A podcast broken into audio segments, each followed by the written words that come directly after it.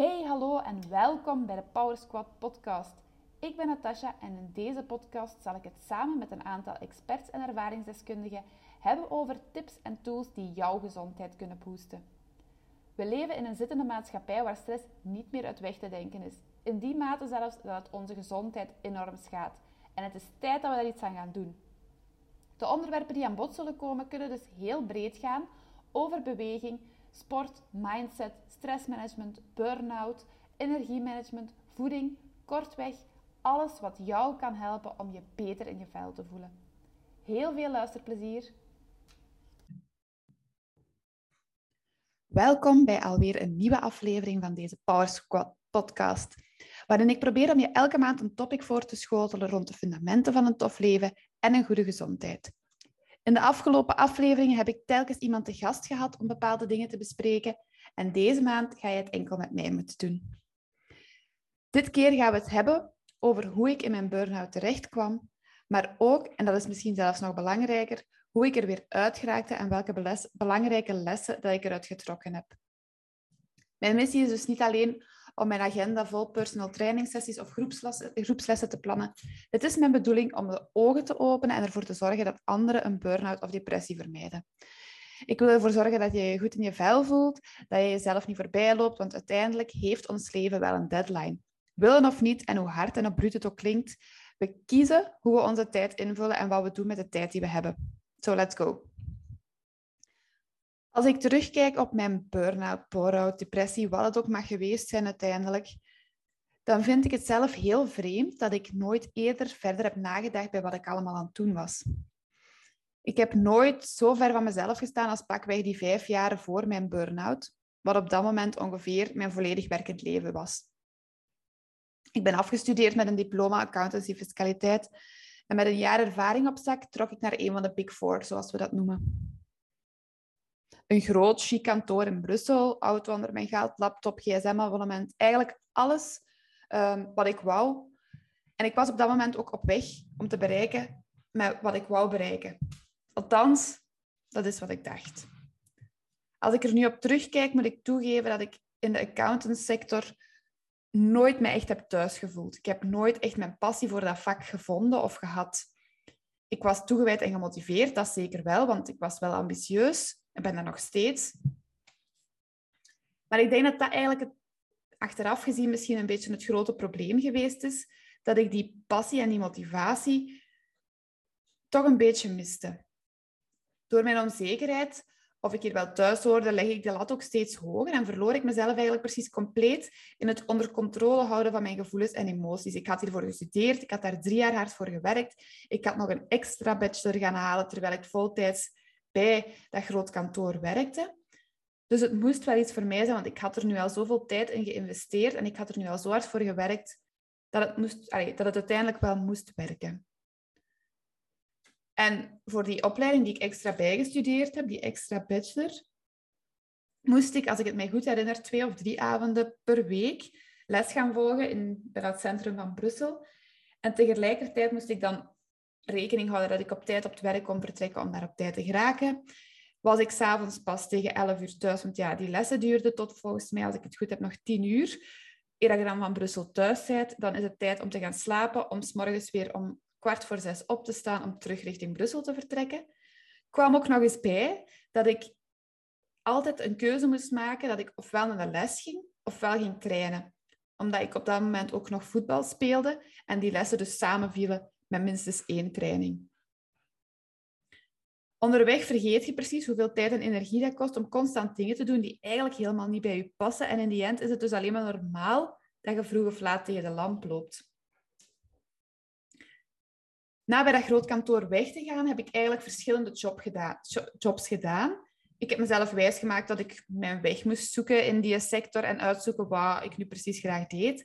Dus ik heb bij een kleinere fiduciaire gezeten, ik heb op een groter kantoor gezeten, ik heb op projectbasis op interne boekhoudafdelingen gewerkt. Ehm, ik deed het allemaal, ik werd er goed voor betaald, ik had alles wat ik nodig had. Althans, dat is wat ik dacht. Ik werkte hard, ik wou doorgroeien. Ik was, en ik ben er nog steeds, ambitieus.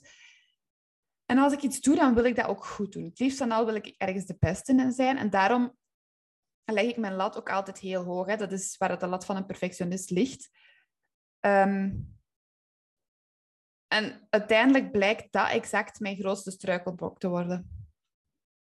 Oudejaarsavond, ongeveer zes jaar geleden intussen, ging ik rond kwart na twaalf, half één, naar bed, terwijl er eigenlijk nog familie thuis was om te vieren. Ik had daar sowieso geen zin in. Ik ben in het algemeen al niet zo zot van oudejaar vieren. Ehm, dus ik wou eigenlijk dat het gewoon zo snel mogelijk voorbij was. Maar dat heb ik andere jaren nooit gehaald. Oké, dat is niet mijn favoriete feest van het jaar. Maar waarom exact was ik nu zo futloos en een beetje down zelfs, mag ik zeggen? Dat, dat lag niet aan het gezelschap of aan het feit dat dat niet per se mijn feest is of dat ik asociaal ben van nature. Nee, op dat moment was nieuwjaar in mijn hoofd gekoppeld aan het feit dat ik binnen dit en een dag of twee dagen terug zou moeten gaan werken. En daar zag ik keihard tegenop en daar was ik al zo fel mee bezig dat dat mij gewoon uitputte. Ik kreeg dat idee van terug gaan werken gewoon niet meer op mijn hoofd en ontspannen. Dat ging precies niet meer. Maar ik ging uiteindelijk terug. Hè. Uh, je moet niet flauw doen, we moeten daarover zetten. Hè. Dat is wat we allemaal leren in deze maatschappij. We moeten erdoor. We moeten doorgaan en blijven gaan. Als ik er met vriendinnen over sprak, ehm, was het me nicht die voorstelde om eens een keertje loopbaanbegeleiding te gaan proberen. Baat het niet, schaadt het niet. Dus dat heb ik wel gedaan. En daar werden eigenlijk een beetje de eerste rode vlaggen opgemerkt. Ze had eigenlijk nog nooit iemand gezien die op dat moment zo uitgesproken gekant was tegen de sector waar ze in werkte. Conclusie? Ik moest meer kijken in de richting van een sociale sector. In mijn hoofd was het dan ja, sorry, maar ik zie mezelf niet per se um, verpleegster worden of in het kleuteronderwijs gaan staan, want dat was wat ik linkte met die sociale sector. Uiteraard is dat niet het enige werk in die sector. Maar ik had op dat moment al hier en daar een kleine tik gekregen en dat was een spreekwoordelijke druppel. Ik wist gewoon niet meer, wat, wat moet ik nu? Wat, wat is de bedoeling? Wat, wat wil ik hier? En op dat moment zou je eigenlijk willen dat ze met de oplossing naar u komen. Hè? Dat ze op een gouden dienblad naar u komen en zeggen, hier, dit is wat je moet doen. Maar ja, zo werkt dat blijkbaar niet. In februari ging mijn lichaam dan in protest. Een burn-out was op dat moment iets waarvan ik dacht dat dat voor mensen was die geen zin hadden om te werken en iets wat tussen je twee oren zat. Dus ik ging kost wat het kost gewoon blijven doorgaan en wel zien waar ik uitkwam. Ik ging het gaandeweg wel ondervinden. Ja, dat was dus fout. dat weten we nu ondertussen ook. Uh, ik schaam me nog steeds kapot eigenlijk als ik erbij stilsta dat ik ooit gedacht heb dat dat voor luie mensen of mensen die niet wouden werken was. Want ja, het is, het is echt iets wat dat wel effectief um, bestaat. Op een gegeven moment stond ik in de badkamer. Dat is wat ik mij goed herinner. Ik ging mij douchen en dan ging ik werken. Dat had ik mezelf, met mezelf afgesproken. Ik had zoiets van, ja kom, herpakt u hier even. Um, ik weet niet meer hoe of waar dat, dat exact gebeurd is, maar ik ben gaan zitten in de douche. En ik had ineens op precies niet meer de kracht om mij ertoe te brengen om, om verder te doen en om, om naar het werk te rijden. Mijn lichaam en mijn geest zijn het blijkbaar niet langer nog eens. Uh, en daar zit je dan, hè. Want nu, allee, op dat moment voelt je je gefaald, want ik was iemand die altijd wel sterk wou zijn en wou doorgaan. En ook wou dat mensen mij zagen als iemand die sterk was. En nu was ik zwak, was ik ja, gefaald.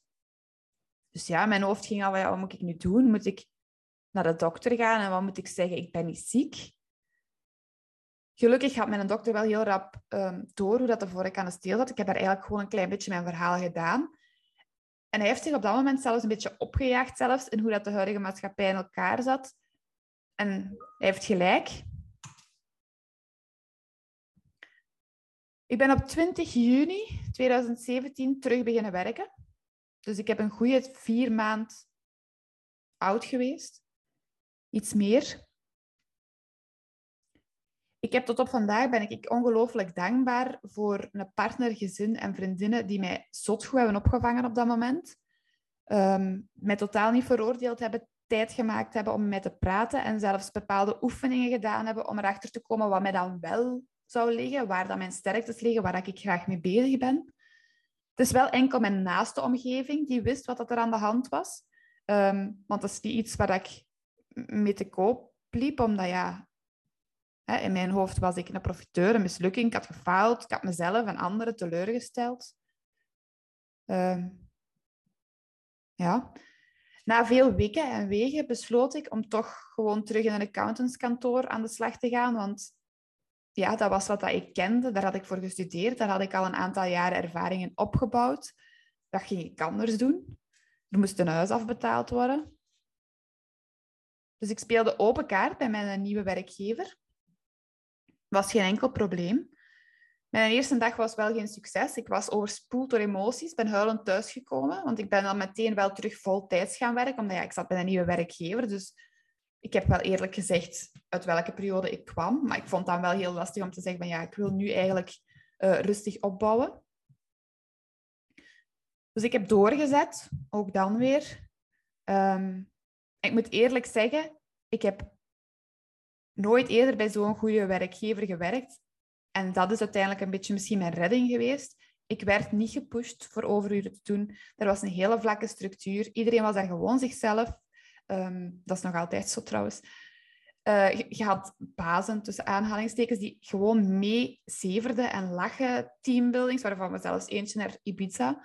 Um, dus het is daar super plezant om te werken. Als je nog een job zoekt in boekhouding, stuur mij een berichtje. Ik weet de perfecte werkgever voor u.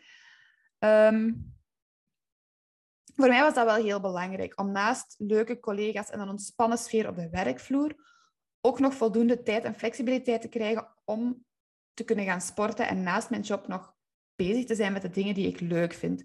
Dus op zich had ik daar mijn balans wel gevonden. Ik deed mijn job, ik, ging, ik, ben, ik ben nooit een dag tegen mijn goesting gaan werken. Dus ik had een job. Oké, de inhoud was misschien niet helemaal mijn passie, maar ik ging wel graag. Ik ging niet langer tegen mijn goesting werken. En ik had ook nog tijd om met de honden hier bezig te zijn, om mijn huishouden op orde te houden en om dingen te doen die ik graag deed. Dus eh, op tijd te gaan lopen en dingen te doen met vriendinnen of vrienden of familie.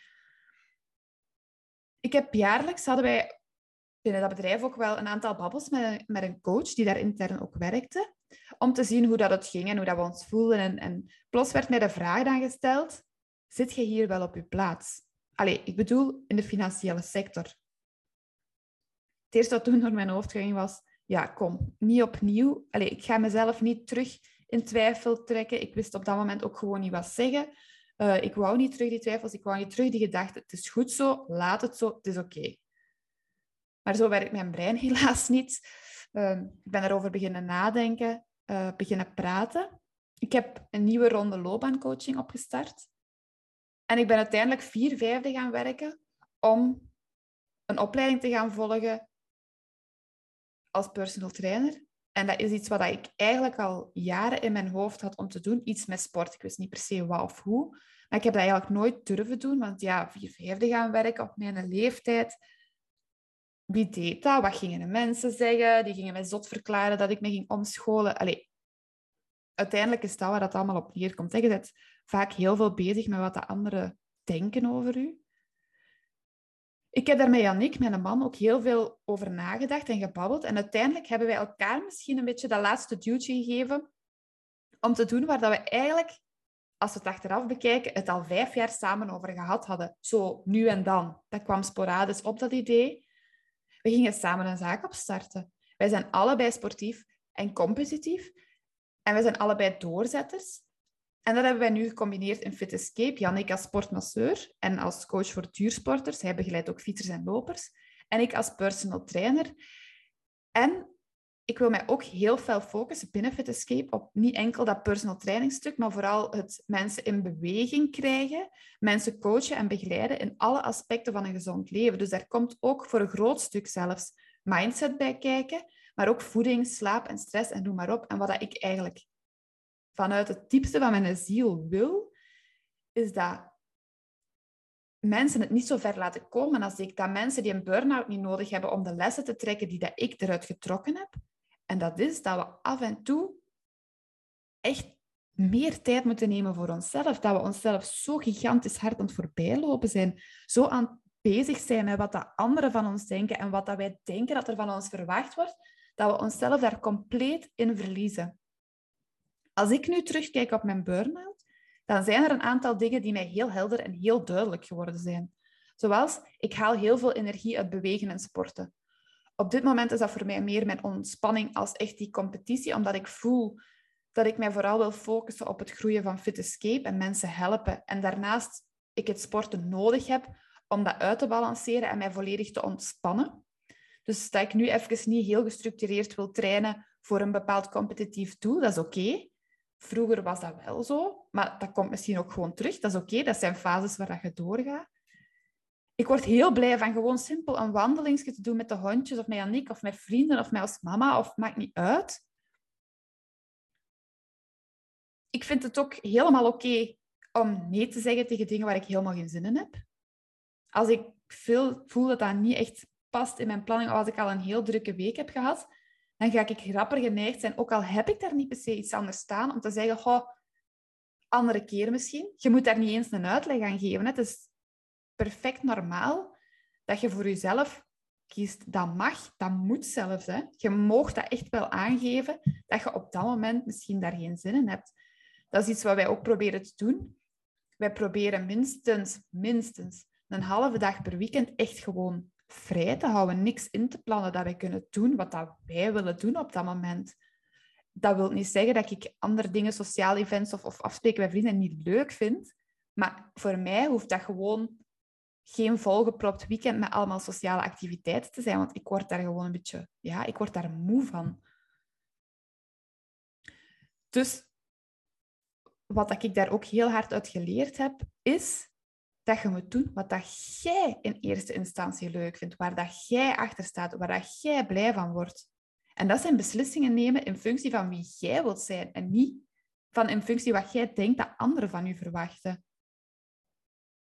In dat kader moet ik zeggen dat ik heel trots ben op verschillende beslissingen die ik in de afgelopen jaren heb genomen. Ik heb gigantische stappen gezet en ik besef nu eens te meer hoe zot het is dat ik überhaupt dingen heb durven doen waarvan ik wist dat mensen gingen zeggen, wat doe jij nu allemaal?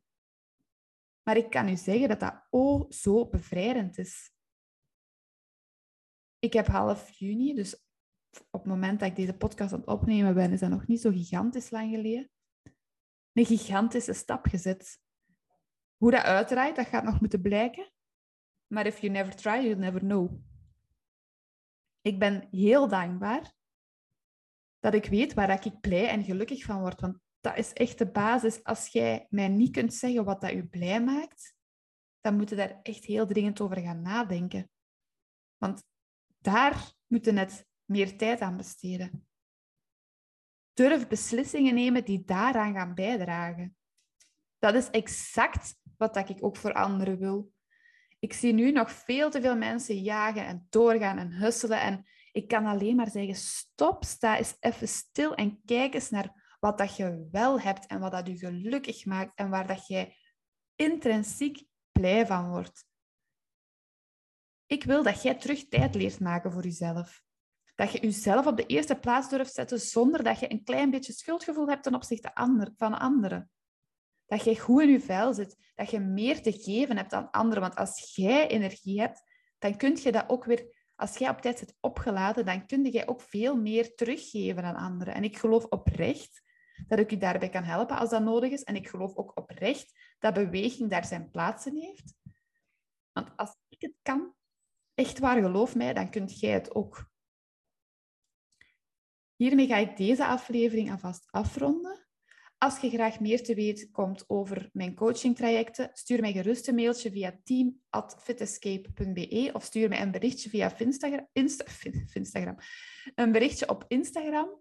Je vindt mij op coach natasha.versavel. Natasha is met S-J-A. Of je stuurt mij gewoon een berichtje op uh, Facebook via Messenger. Hopelijk heb je aan deze aflevering iets gehad. Uh, moest dat zo zijn, dan zou ik het de max vinden als je hem zou delen en taggen op je socials. Of als je mij een review zou geven op Spotify. In ieder geval, dikke merci om te luisteren en heel graag tot een volgende aflevering.